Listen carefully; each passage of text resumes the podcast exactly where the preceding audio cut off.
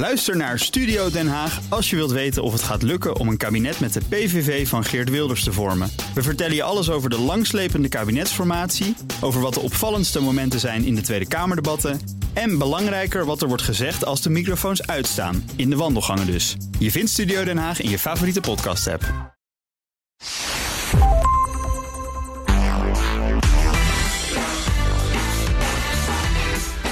Welkom bij de Ben Tichelaar podcast bij BNR, de podcast over persoonlijk leiderschap. Elke aflevering hebben we een bijzondere gast met inzichten die je helpen om je verder te ontwikkelen in je werk en de rest van je leven. Mijn naam is Ben Tichelaar en mijn gast in deze aflevering is Jacqueline Brassy. Hoi Jacqueline, welkom. Hey, hallo Ben. Ja, ja, bijzondere achternaam. Waar komt die eigenlijk vandaan? Want je komt uit Nederland, maar je heet Brassy. Leg het even uit. Ja, nee, dat klopt. Het is een Engelse achternaam. Mijn man komt uit Zuid-Afrika en heeft Engelse roots. Oké, op die manier. Nou, dat snappen we ook. eh. En wat, wat is jouw geboorte, je achternaam van geboorte? Mag ik dat ook weten?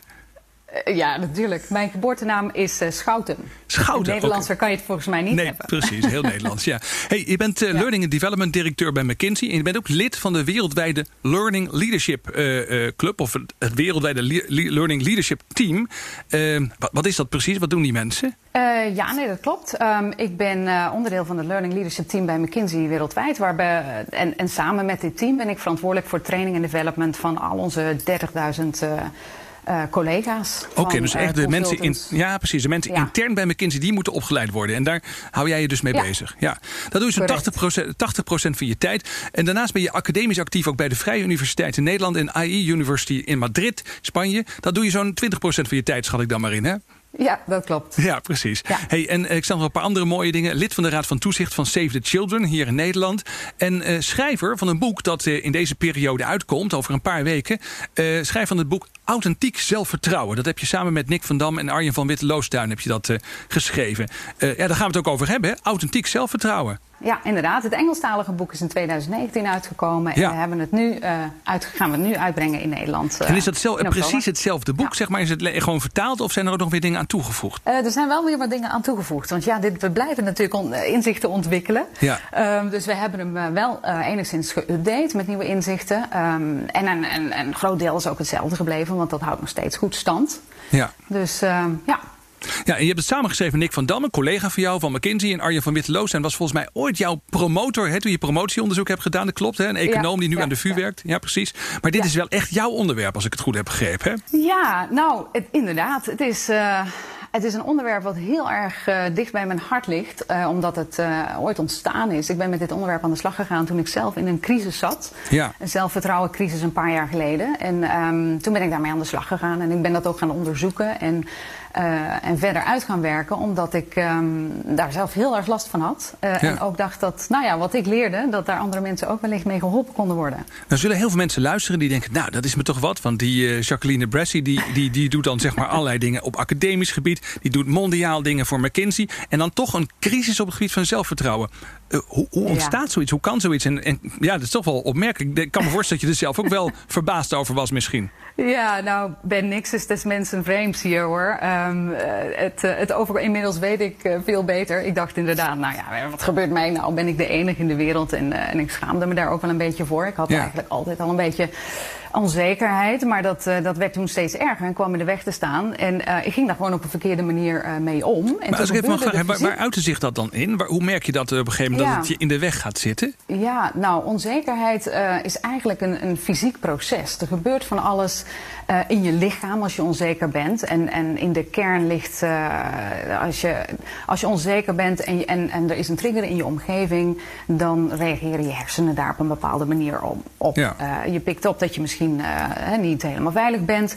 Eh, en er is een angstcentrum in je brein wat dan eh, aan de gang gaat. En eh, wat dan een bepaalde reactie geeft, wat je in de weg kan komen te staan. Bijvoorbeeld, ehm, je wordt alert. Eh, je kan minder goed, hè, je hebt minder goed toegang tot je hersenen. Je voelt Ja. je ook nerveus en je kan minder goed reageren.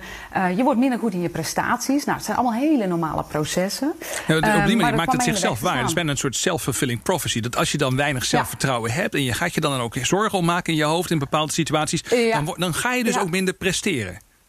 Ja, ja, en wat ik ging doen om ermee om te gaan, is eigenlijk proberen nog harder te werken, me nog beter voor te bereiden. en daardoor uh, ging ik minder uh, slapen. Ik werkte gewoon harder, daardoor minder slapen. En ik, ik had geen idee dat als je minder slaapt, uh, je nog gevoeliger voor stress wordt en onzekerheid. Dus Ja. het was een, dat was nog eens een dubbele whammy, een dubbele zelfvervulling profetie. Um, en, en wat ik ook leerde was dat ik zeker niet de enige ben. Dat het heel normaal is en dat mensen daar, ja, heel veel mensen er last van hebben. Maar we durven daar eigenlijk niet over te praten. We zijn daar gewoon een beetje stil over, omdat we denken, nou ja, we zijn Ja. vast de enige. En als ik me kwetsbaar opstel, um, dan vinden mensen mij niet goed. Of dan word ik uh, buitengesloten, et cetera, et cetera. Nou ja, inmiddels weet ik dat dat zo is. Ja. Dan weet ik ook uh, meer de cijfers daarachter. Um, ja, Nou, je noemde het even, op. Dus cijfers even. Je ja. zegt veel meer mensen hebben er last van. Voor jullie boek hebben jullie Ja. onderzocht hoeveel mensen hiermee worstelen. Hoeveel mensen er echt over piekeren. Hoeveel was dat? Nou, zeker. In de algemene groep hadden ongeveer duizend mensen hebben gevraagd. Overal vandaan verschillende achtergronden. Ja. Eh, een van de dingen die we gevraagd hebben van... joh, ehm, denk je dat je beter zou kunnen presteren... als je minder bang was om fouten te maken... of onzeker was eh, of je wel goed genoeg was? Eén op de twee zegt ja daartegen. Dan Eh, meen we je, de helft van de mensen loopt daar dus mee rond in zijn hoofd. In, in, in onze studie eh, gaf één op de twee dat Ja. aan. Ik heb eh, inmiddels ook was het een dat specifieke groep? Of was het een, hoger. of was, was het een specifieke groep? Of was het zeg maar een representatieve steekproef? Hoe moeten we dat voorstellen? Ik denk dat, eh, nou in ons, eh, in ons onderzoek waren dat vooral eh, hoger opgeleiden. Maar Ja. als je, som, als je ging kijken naar specifieke groepen jongeren, hoogopgeleiden, ehm, ook zelfs studenten, eh, sommige Ja. groepen scoorden veel hoger. Ehm, en inderdaad, piekeren al snel een paar uur per dag. En dat kost heel veel energie. Maar dat, Een eh, paar uur wat- per dag. Dat meen je Een niet. paar uur per dag, Ja. ja. ja, Dus En- in, en in wat plaats van dus dat je dus kunt presteren en gewoon lekker je werk kunt doen, ben je dus eigenlijk vooral bezig dan met de vraag: ben ik wel goed genoeg? Ga ik hier geen fouten maken? Dus dat houdt mensen echt gewoon enorm ook van, ja, van dat presteren Ja. af. Dus het is echt een negatieve spiraal waar je over praat dan. Ja, ja, ja. Nou, dat gaven ze zelf aan. En, ehm, en eigenlijk, wat, wij vroegen ons ook af, eh, Ben, is dit nou, hè, wat, wat, wat is, is dit nou een probleem of niet? Dus Ja. een van de vragen die we toen hebben gesteld, is van wat doe je nou niet als je dit meemaakt? Als je bang bent om niet goed te zijn, goed genoeg te zijn Ja. of als je piekert. En eh, in de top drie stond, en dat hebben we geclusterd, eh, naar, hè, want wij hebben een open vraag gesteld en dat hebben we toen vervolgens aan eh, verschillende labels eh, vastgehangen. Top drie was mensen houden zich terug, dus gaan onder de radar spelen, Ja. Gaan uitdagingen uit de weg. Ze zijn ook stil, hè? ehm, they don't speak up. Zij, zij hebben we in het Engels het zo genoemd. Hè? Mensen zijn gewoon stil als, er iets, als ze in een, een vergadering zitten. En ze durven ook geen feedback te geven. En vooral niet aan mensen die meer senior zijn. Ja. Ehm, nou, en daar heb je dus eigenlijk wel een aantal business cases. Want als mensen niet zeggen wat ze op hun hart hebben, nou, dat kan, we kunnen het Ja. risico lopen dat er dan dingen hè, niet op de tafel komen. Maar ook talent gaat verloren. Eh, vervolgens, als mensen veel piekeren en onzeker zijn, eh, en dat wordt nog versterkt in tijden waarin onzekerheid groter wordt, ehm, dan kan het uiteindelijk ook eh, slecht zijn voor het welbevinden. Ja. Dus er zijn er een, hele, een aantal dingen die, die gewoon belangrijk zijn ehm, en, om te weten. En, en, en, hoe je, en, en je kunt daar dus eigenlijk heel veel aan doen. Je kunt daar ontzettend eh, veel aan doen als organisatie, maar ook als individu. En daar hebben we dit boek voor geschreven. Om gewoon ehm, ja, beter eh, in je kracht te staan, om maar even een buswoord eh, te Ja, nou ja, goed. Ja, dus een woord dat Ja. veel wordt gebruikt. Maar jij, het leuke bij Ja. jou is natuurlijk... je bent aan de ene kant echt hier expert in. Je, je hebt je er eh, enorm in verdiept. Terwijl je ook nog een keer zeg maar, heel praktisch de ervaring hebt... binnen zo'n organisatie als McKinsey... dat je mensen wellicht om je heen ziet die hier ook mee worstelen. Je hebt er zelf ook ervaring mee. Dus je bent wel de uitgelezen Ja. persoon om hier iets over te zeggen. Als ik eens even beginnen mag met een vraag. We hebben het in deze podcast... en dat is ook wel een beetje een populair onderwerp de laatste jaren... ook veel gehad over iets als psychologische veiligheid. Dus dat je in een organisatie zorgt dat mensen gewoon zichzelf kunnen zijn... en dat mensen ook afwijkende meningen durven te laten horen... en ook fouten durven te maken. Is dat dan het geheim? Ligt het aan de organisaties? Of, of is het meer van binnenuit? Is het jij als mens, zal ik maar zeggen, die toch gewoon zichzelf in de weg zit? Hoe, hoe kijk je daar tegenaan? Of is het, waarschijnlijk zal het een combinatie zijn, of niet? Nou, je vult het antwoord zelf al in. Eh, de- Ja. En de term die je net noemde, hè, psychologische veiligheid, komt van eh, professor Amy Edmondson is daar eh, bekend door geworden van Harvard. En die heeft ooit gezegd in het Engels. Courage en psychological safety zijn kanten van dezelfde waardevolle, twee kanten van dezelfde waardevolle eh, munt. Ja. En met andere woorden, die dingen komen samen. En, en, en, dus psychologische veiligheid is heel belangrijk om inderdaad mensen te helpen eh, zich veilig te voelen en, en eh, te zijn wie ze zijn. Aan de andere kant, waar, en daar hebben wij dit boek voor geschreven, ehm, met deze focus, eigenlijk als je nou eens terechtkomt in een, in een situatie die je niet kan kiezen en waar je wel, waar je soms onveilig voelt. Wat kan jij dan doen om jezelf te empoweren, ehm, om daarmee om te gaan? En dat, dat is de focus van dit boek. Want je kan, soms, Ja. je kan niet niet altijd kiezen hè, in welke omgeving je terechtkomt. Nee, precies. maar ik denk ook dat er een, een verantwoordelijkheid voor bedrijven is om psycholo zeker om psychologische veiligheid te creëren. Dat is ook dom als we daar niet mee bezig zijn. Dat is ja, maar ik vind het wel heel mooi wat je, wat je zegt. Dat, Ja. dat, dat moet aan de ene kant en psychologische veiligheid, dat zijn, zijn twee, twee kanten van dezelfde medaille, zoals Amy Edmondson dat Ja. dan zegt. En eh, jij zegt, ik, ik richt me nou nog eens even niet op die organisatiekant, maar kijk meer ook naar wat kun je, wat je, wat kun je nou zelf doen als je ook in een lastige situatie terechtkomt. Ja, ja. Ja, ja, en nou ja, en als je, om daar nog even op in te spelen. ehm, wat je wel kan doen als organisatie is natuurlijk mensen helpen eh, zich te trainen in deze vaardigheden. Hè? Mensen emotioneel weerbaarder te maken door dat te integreren in, eh, in trainingprogramma's. En het is namelijk heel makkelijk te leren. Er zijn een aantal vaardigheden die, ehm, die je kan leren. Ja, en ik had ze graag, willen, ik had ze graag willen weten. eh, Ja, precies. school al. Ja. Ja, maar goed, je hebt je erin verdiept en je kunt ze nu in ieder geval heel duidelijk uitleggen. Ik zou zeggen, laten we er maar eens even mee beginnen. Wat, wat moet ik leren? Wat moet ik leren als ik dit herken? Nou, ja, ik denk dat 50% van de mensen ook die dit programma of deze podcast luisteren, die zullen dat dus herkennen. Ehm, ja, wat moet ik doen? Wat, welke stappen kan ik zetten? Ja, nou om te beginnen is het al heel goed om te weten. eh, ik heb daar eh, vorige week een, een TEDx over gedaan in Wassenaar. eh, is het heel goed om te weten wat gebeurt er nou eigenlijk als ik stress ervaar en onzekerheid ervaar met mijn hersenen en met mijn lichaam. Ja. En ik, heb, ik noem vijf zones van stress. Dus als je heel erg in je comfortzone zit, dan voel je je gemakkelijk en dan voel je je veilig en dan kan je lekker in je flow, kan je lekker je werk doen. Ehm, maar ja, eh, dan leer je vaak niks. Hè? Om, om dingen te leren moet je nieuwe dingen doen. Precies, ja. Eh, en soms door kleine dingen kan je in een andere zone terechtkomen. En je daarvan bewust worden dat die andere zone, en dat kan een stresszone zijn, of protectiezone zoals ik het ook noem. Eh, waarin bepaalde dingen gewoon gebeuren met je hersenen en met je lichaam. Mhm. En als je ervan bewust bent, kan je er dus iets aan doen. Eh, want je, je, je angstcentrum eh, speelt dan op en er zijn allerlei hormonen worden er losgelaten. Ja. Ehm, en dan kan je minder goed presteren. Maar als je dat, dat weet en in die zone zit, dan kan je dus ehm, tools of, of technieken leren om jezelf naar een leerzone te brengen. En in die Oké, je moet eerst her- herkennen. je moet herkennen Ja. wanneer je dus zeg maar echt in de stress begint te raken. En dan kan je jezelf naar een leerzone brengen, zeg je. En dat is iets anders Eh, dan ja. een stresszone. Dat is iets anders dan een stresszone. Ja. Oké, ja. En, ehm, en, en een, ander, eh, een ander belangrijk element is ook, en daar begint het eigenlijk mee, is dat je ook weet dat je eerst een goede basis. Want het is, het is, er, er- er is heel veel ehm, aan de gang als je stress ervaart. Maar als je geen goede basis hebt, bijvoorbeeld je niet goed voor jezelf, je eet niet goed, je slaapt niet goed, sport is heel belangrijk. eh, Ja. En als, je, als die basis al niet goed is, dan kan je dus gevoeliger worden voor stress. En dan kun je allerlei andere technieken die je dan kan leren ook minder goed toepassen. Dus de Oké, dus je zegt de basis moet eerst op orde zijn. Dus dat betekent dat je goed voor jezelf Ja. moet zorgen. Je moet voldoende slaap krijgen, dat soort dingen. Dat hij- hij noemde je in het begin Ja. ook al even. Hè, dat je harder ging werken Ja. en minder ging slapen. Dat moet je dus echt niet doen. Maar stel dat die basis op orde is. En je merkt dat je dus in een bepaalde situatie eh, je onveilig begint te voelen. Gestrest raakt. eh, nou ja, gebrek aan zelfvertrouwen ervaart. Gaat piekeren erover. Wat zijn dan die praktische stappen? Wat kan je dan doen om jezelf bijvoorbeeld naar zo'n leerzone te brengen? Hoe doe ik dat? Nou, er zijn, er zijn heel veel technieken. Zo, in ons boek hebben we een toolkit van 32 tools die je kan toepassen. Maar ik Wauw. zal een aantal eh, praktische dingen. Ja, dat voor zijn er 32 hebben we geen tijd. Nee, precies. Maar wat, wat, wat, zijn jouw Ja, favori- maar- wat zijn jouw favorieten? Dat willen we dan eigenlijk weten. Wat werkt bij jou of, of wat werkt goed in, Ja. bij veel mensen? Ja.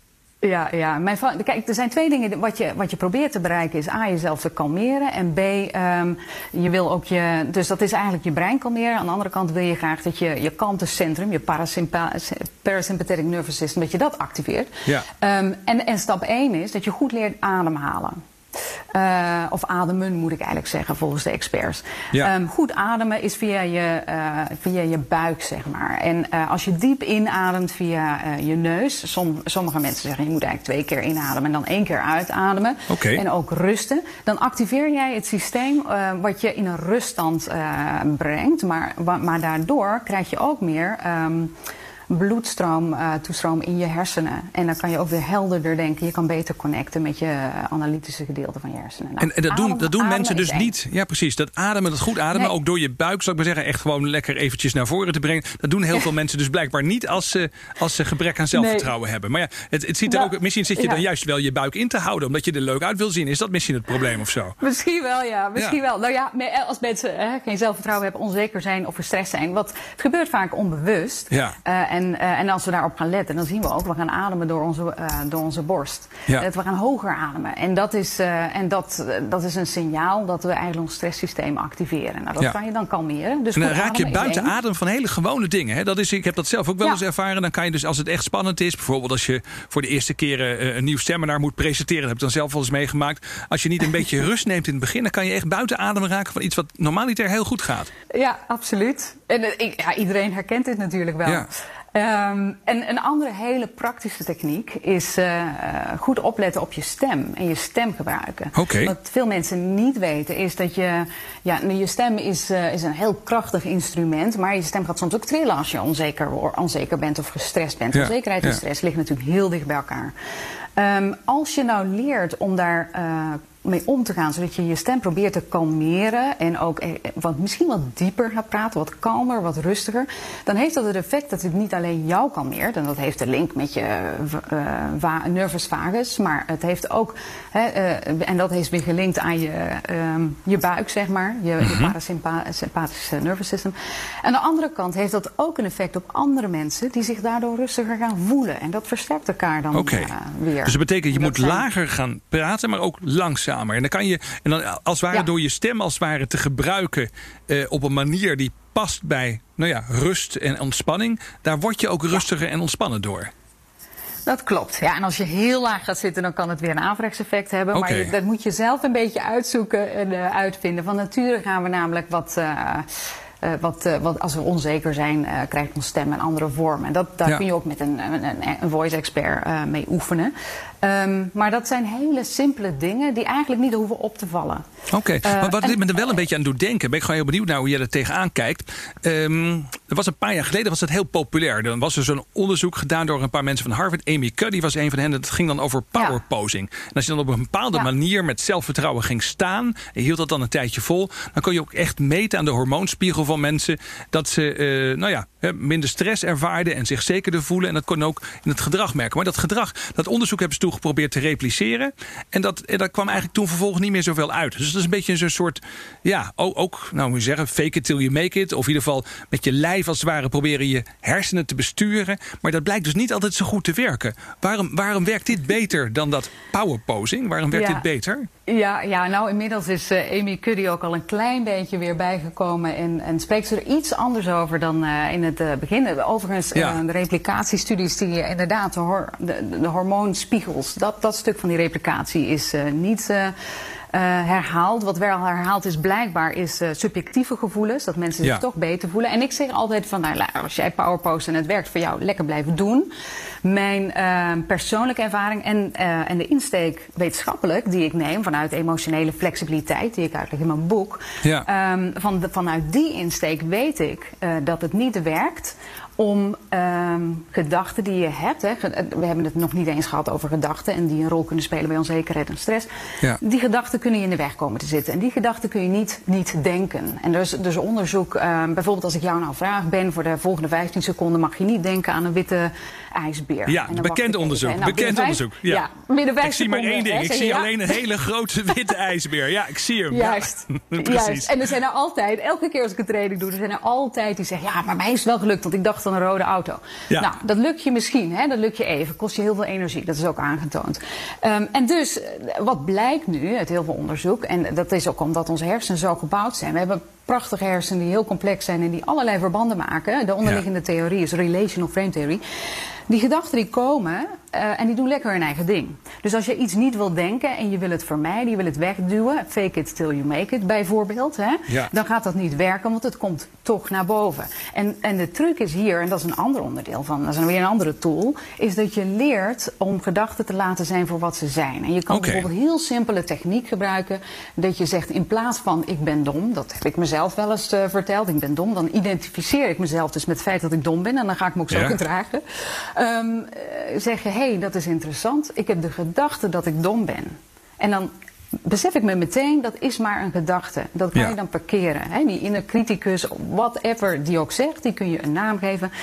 Die er te laten zijn en vervolgens ehm, doorgaan met waar je mee bezig bent. En het belangrijkste in, uh, in de technieken die, mij die ik gebruik en die we ook beschrijven in het boek, is dat je heel erg goed connect met wat echt belangrijk voor je is. En dus ook um, onder de, eigenlijk heel kritisch ook naar je eigen gedachten kijkt. He, dus zo van, er komt van alles op in je brein. Dat komt ook soms door de situatie. Of gewoon, de, ja, je denkt gewoon nu eenmaal van alles als mens. En dan moet je dus niet altijd al te serieus nemen. Nee, zeker niet. Nee, Met, en, en, en, een hoop dosis zelfcompassie ook. Want je kan de gekste dingen denken. Uh, en nou, dat komt door je, een beetje je karakter. Het is uh, je opvoeding, dingen die je, je, hebt meegemaakt. Er gebeurt van alles. En dan kan je door kleine triggers dingen denken die je in de weg kunnen komen te staan. Ja, ja. En die je soms tegenhouden. En, hè, en dat blijkt dus ook wat mensen zeggen. Ik zeg maar niks, omdat anders denken mensen hier dat ik iets dom zeg. Nou, dat, dat kan, je, kan je in de weg komen te zitten. En uh, nou, dat helpt jou niet als het belangrijk voor je is dat je dus uh, wel iets doet of wel iets leert of wel toevoegt aan een, uh, aan een team waarin je zit. En dus is het belangrijk om daarover na te denken. Ja. En zeg, en die, die techniek die je nou net noemde, dat je die merkwaardige gedachten waar gewoon accepteert voor wat ze zijn en dan gewoon weer doorgaat, is dat acceptance en commitment of is dat, is dat weer iets ja. anders? Ja, dat is onderdeel. Dat is een van de processen die we beschrijven. Ja. Uh, dat noemt uh, acceptance and commitment training of therapie. Uh, in, in, in die therapie heet dat diffusie. Oké. Okay. en diffusie betekent dat je dus eigenlijk op een afstand de dingen bekijkt en ze laat voor wat ze zijn. Ja, het klinkt een beetje diffuse ja. the bomb. Hè? Dat ze roepen ze altijd van die actiefilms. Juist. Dat vind ik dan leuk. Hè? Dan, en dan halen ze dus, dan haal je, haal je dus de lont uit, uit het kruidvat eigenlijk in dit geval. In plaats van dat je erin steekt. Ja. Juist, en daar kan je natuurlijk. Uh, ik, ik heb een, uh, ooit een, um, een hele senior um, executive voor zeggen: van ja, ik, ik laat die, die nare stress dingen niet in mijn nervous system. Ze gaan niet door mijn hart en dan heb ik er ook geen last van. En die had een andere techniek die die uh, visualiseerde dat hij uh, die moeilijke gedachten of, of moeilijke berichten even parkeerde buiten zijn, uh, in, zijn, in de lucht, ergens in een ja. bubbel. En dat hij er dan later mee aan de slag kon gaan. En dat wil niet zeggen dat je het dus net doet of het er niet is, want dat is heel belangrijk. Ja. Het is ja. er wel. Je accepteert het, gewoon, het is er. Je parkeert Juist. het, je, je, je, je accepteert het. Maar in ieder geval ga je je niet gek door laten maken. Dat is in ieder geval wat je moet, niet moet laten doen. Ja. Hey, ik ben heel benieuwd, want jij hebt dit niet alleen maar dus onderzocht. Maar je vertelde net al eventjes in het begin. Dit is ook iets wat jou echt is overkomen. Waar je zelf ook enorm mee hebt uh, geworsteld. Uh, wat werkt er voor jou dan het beste? Wat, wat doe jij dan nu in dit soort situaties? Ja, nou, ik, ik breng al die processen zelf eigenlijk wel bij elkaar. Um, dus ik pas het zelf ook e enorm toe. Maar wat er voor mij uitgesprongen was... Um, is uh, eigenlijk uh, accepteren en moeilijke dingen in de ogen kijken. Ja. Met een grote dosis zelfcompassie. Uh, echt lief voor jezelf zijn. En ik heb ooit ook eens een workshop over zelfcompassie gedaan. En dat was voor mij een grote eye-opener. Omdat ik eigenlijk stiekem mezelf altijd maar een beetje. Um, ja, heel onaardig tegen mezelf was. En ja. dat besefte ik niet eens. Hè. Zo, als ware dat je jezelf met een, zweep, met een zweep op de, op de rug af te slaan... om er dan toch maar doorheen Juist. te gaan. En, en als je dan zelfcompassie betracht, wat doe je dan? Hoe, hoe doe je dat? Wat zeg je dan tegen jezelf? Nou ja, uh, give yourself a break. Um, en wees, uh, wees lief voor jezelf. Um, en, en het beseffen dat, uh, dat wat er gebeurt, nou ja, dat dat gedachten zijn... maar dat het ook iets wat wat van nature, hè, wat, wat, wat, wat, mij ook niet helpt. Um, maar wat ik doe in het moment, hè, je kan ook fysiek dingen doen. Je kan ook gewoon een hand op je hart leggen. Of je kan gewoon, hè, maar dan, dan is het wel uh, heel erg. Ik heb, ik heb momenten gehad waarbij ik gewoon even een time-out nam. Ja. Um, even naar de, de, wc of weet je, dat je even een break neemt. Um, hoeven mensen helemaal niet te weten. Nee, precies. Je kunt gewoon even weglopen uit de situatie. Dat kan, ja. Inderdaad. Ja. Ja, en wat ik dan vooral ook, en als het dan echt erg was, ik heb dat eigenlijk nu niet meer, uh, maar dat was zo'n fase waar het heel erg was, dan, dan ging ik ook trillen en dan voelde ik gewoon echt uh, pijn van die onzekerheid. Dat ik, dat ik dan met name in plaats van, want de eerste reactie is dat wil je niet voelen, Ben, ja. want dat is een raar gevoel. Dat je dan gaat kijken in je lichaam, waar voel ik dit nu? En wat is er nu aan de hand? En dat, dat je daar ook een denkbeeldige lijn uh, omheen tekent en dat je dat uitnodigt om het er ook te laten zijn, um, maar dan wel met. Um, uh, met compassie. Dus, dus ja. zeg van nou, kom maar en laat. En het gekke wat er dan gebeurt, als je dus durft dat het te laten zijn. En dit klinkt allemaal heel zweverig, maar het ja. is allemaal, hè, er zit science achter. Um, dan kalmeert het eigenlijk. En, okay. en, en wat, wat je ook gebruikt in dat proces is nieuwsgierigheid. Nieuwsgierigheid is een andere uh, tool die je kan toepassen. Is dat je nieuwsgierig dingen gaat verkennen om te begrijpen wat er nou echt gebeurt. Ja. En dan ga je er dus mee aan de slag. Nou, eh, dat, dat, werd dus, dat werd dus, dan werd de pijn minder. Werd ook de, en ik kon dan na een paar minuten gewoon lekker teruglopen en, uh, en weer meedoen. Ja. Um, en daar was ik heel erg door verbaasd. Ik denk, jeetje, wat gebeurt hier nou? Dat ja. is dus heel krachtig. Dit werkt dus gewoon, gek, ja. Maar ja. het werkt dus wel, ja. Hoe, hoe, hoe reageer, ben ik zo benieuwd naar, hoe reageren je collega's bij McKinsey hierop? Ik kan me voorstellen dat heel veel luisteraars zoiets hebben. McKinsey, dat is dat bureau, die rekenen alles door. En dan komt er onderaan de streep hoeveel mensen er ontslagen moeten worden. Dat is een beetje het beeld, wat, nou ja, een beetje flauw, hè. Maar goed, zo wordt er wel eens naar McKinsey gekeken. Dat zijn wel een beetje de, de harde number crunches ook zeg maar in de consultancy. En, en dan uh, ja, zeg jij eigenlijk van nou, uh, je moet naar dit soort dingen kijken. Zelfcompassie, uh, accepteren en committeren aan dingen. Hoe wordt er gereageerd intern? Ja. Ja, Ben, dit is een heel outdated view wat jij hebt hoor, van McKinsey. Nee, maar ik zeg niet dat ik hem heb. Ik zeg alleen maar, zo wordt, zo wordt, er vaak naar gekeken, zeg ik. Ja, okay. ja, ja, we doen veel meer. We doen veel ja. meer. We doen juist ook heel veel in leiderschapsontwikkeling. Um, nou, net zoals bij McKinsey, uh, zoals elders, heb je mensen die hier heel erg voor openstaan. Uh, en ook mensen die daar nieuwsgierig uh, ja. van zijn. En denken, jeetje, wat is dit nou? Um, en wat wel heel erg werkt, is dat ik er vanuit de wetenschappelijke kant sterk in zit. En als ik dat kan uitleggen van wat gebeurt er nou eigenlijk fysiek, wat gebeurt er van een neurowetenschappelijk perspectief en, en wat weten we al van onderzoek. En daarom werkt deze oefening zo goed. Ja. Dat helpt enorm. Voor sommige mensen is dat niet nodig. Voor sommige mensen die wat meer in de left brain zitten, zeg maar, is dat gewoon handig. Ja. En ik, ik, moet eerlijk zeggen, wij, uh, wij trainen dus heel veel mensen ook op, uh, op dit onderwerp. Uh, sterker nog, mijn team is hier verantwoordelijk voor om, om dat uit te rollen. En um, dat werkt enorm goed. Ja. Ja, ik vind het heel interessant. Ik vond het ook heel leuk. Toen ik eventjes in jouw biografie zat te, te pluizen in de voorbereiding, zag ik ook dat je uh, meerdere studies hebt gedaan. En ook weer na je promotieonderzoek weer bent gaan studeren. Dat zie je heel veel mensen niet doen. En je bent dus ook weer uh, aan de slag gegaan met een uh, neurologische studie. Je hebt je dus ook in neuroscience en, en psychologie op dat gebied verdiept. Dus je, je hebt ook echt wel ja. een beetje recht van spreken natuurlijk. Ja. Ik, nog, nog één vraag even van jou. Hè. Um, je noemde net eventjes tussendoor. Ik denk dat het begrip moet ik toch nog even op terugkomen. Je had het over emotionele flexibiliteit. En volgens mij in jullie boeken Emotional Agility speelt ook echt een rol. Hè? Maar wat is dat dan, die emotionele flexibiliteit? Emotionele flexibiliteit um, en de andere kant emotionele inflexibiliteit is een, uh, is een concept. Uh, om het samen te vatten is het leert het je eigenlijk om te connecten met, uh, verbinding te maken met wat echt belangrijk voor je is. Dus weten wat, wat, wat zijn je waarden, wat vind je belangrijk, wat is je purpose, ook zo'n woord wat, wat ja. we veel horen tegenwoordig. Um, en, um, en als je je daar naartoe. Je kan dus in je leven ook keuzes maken. Wil je daar naartoe bewegen of niet? Ja. Nou, als je daar naartoe wil bewegen, dan uh, gaandeweg uh, zul je soms uit je comfortzone moeten. Moet je nieuwe dingen leren. Uh, en als je nieuwe dingen leert, dan worden dingen wel eens eng. Maar als je weet waarom je het doet, dan kan je die angst ook beter in de ogen kijken. Ja. Emotionele flexibiliteit zijn dan de technieken die je toepast. En daaronder valt mindfulness in het hier en nu zijn, acceptatie waar ik het net al een beetje over had. Ja. Hoe zie je nou, hoe kijk je nou angst op een uh, va uh, vaardige manier in de ogen? Diffusie, um, reframen, op, dat is uh, eigenlijk op een andere manier kijken naar dingen. Um, en, en hoe ga je daar nou mee om? En emotionele flexibiliteit, wat we ook al weten van onderzoek. We hebben dit trouwens zelf ook al in de, in de praktijk onderzocht. Er komt binnenkort een paper wat geaccepteerd is in een wetenschappelijk tijdschrift. Oké, okay, wat leuk. Als je, ja, ja um, als dit emotionele flexibiliteit, daarvan wordt gezegd, nou dat draagt bij aan welbevinden en, en, en well-being. Emotionele inflexibiliteit, dat is de andere zijde van, die, uh, ja. uh, van hetzelfde concept. Um, dat draagt bij aan distress. En, um, en, en, en dus ook stress. Dus, de, ja. dus dat helpt ja. je niet. Hè? Er zijn een aantal concepten die we erin verwerken, zoals hè, de goede mindset om te leren om te gaan met fouten. Groeimindset is er, is er zo één. Dat is een typisch voorbeeld van flexibiliteit. En uh, fixed mindset, uh, als je star bent en niet wil leren en ook uh, altijd maar perfect wil zijn, dat is inflexibiliteit. Ja. Um, dus het is een heel rijk en, concept. En als ik het goed begrijp, zijn er allerlei dingen die we er tot nu toe over hebben besproken in deze podcast. Die, die ga je ook onder die noemer van die emotionele flexi flexibiliteit ja. brengen. Het, ja, ja. ja. Ja, waar het op neerkomt eigenlijk, als je, jij zit achter het stuur van je leven en je hebt al die onzekerheden bij je, maar jij ja. stuurt. Zij, zij zijn niet in control. En, uh, okay, ja. en, en, dat helpt. Dat is een, een plaatje wat vaak mensen wel wat zegt. Nou, het helpt mij ja. ook, moet ik eerlijk zeggen, om het duidelijk te krijgen. Ja. Uh, we gaan, we gaan het, uh, het boek lezen. Als we, tenminste, ik ga het boek lezen. Het lijkt mij heel interessant. Authentiek zelfvertrouwen heet het dus in het Nederland.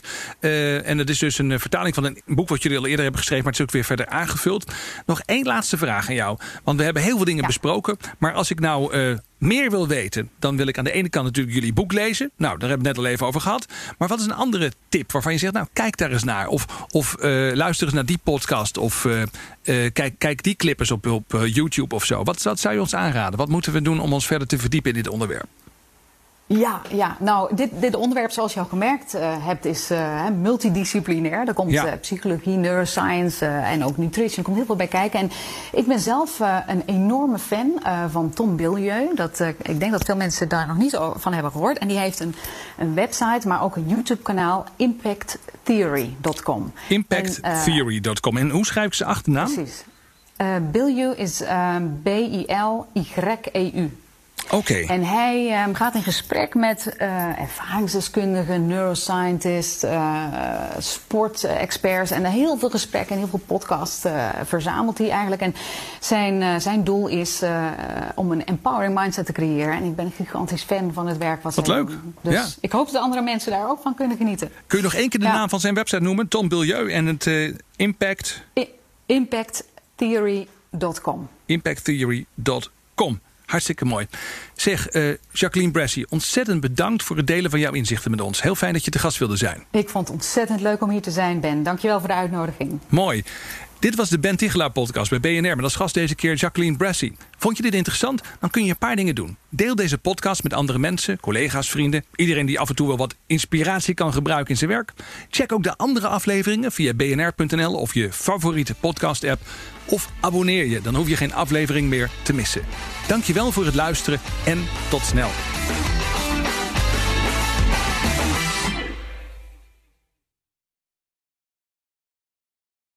Ook Diana Matroos vind je in de BNR-app. Ja, inderdaad. Je kunt live naar mij luisteren tijdens de Big Five. Ook handig in de BNR-app. Breaking nieuwsmeldingen, maar ook het allerlaatste zakelijke nieuws. En je vindt in de app alle BNR-podcasts, waaronder Wetenschap Vandaag. Download nu de gratis BNR-app en blijf scherp.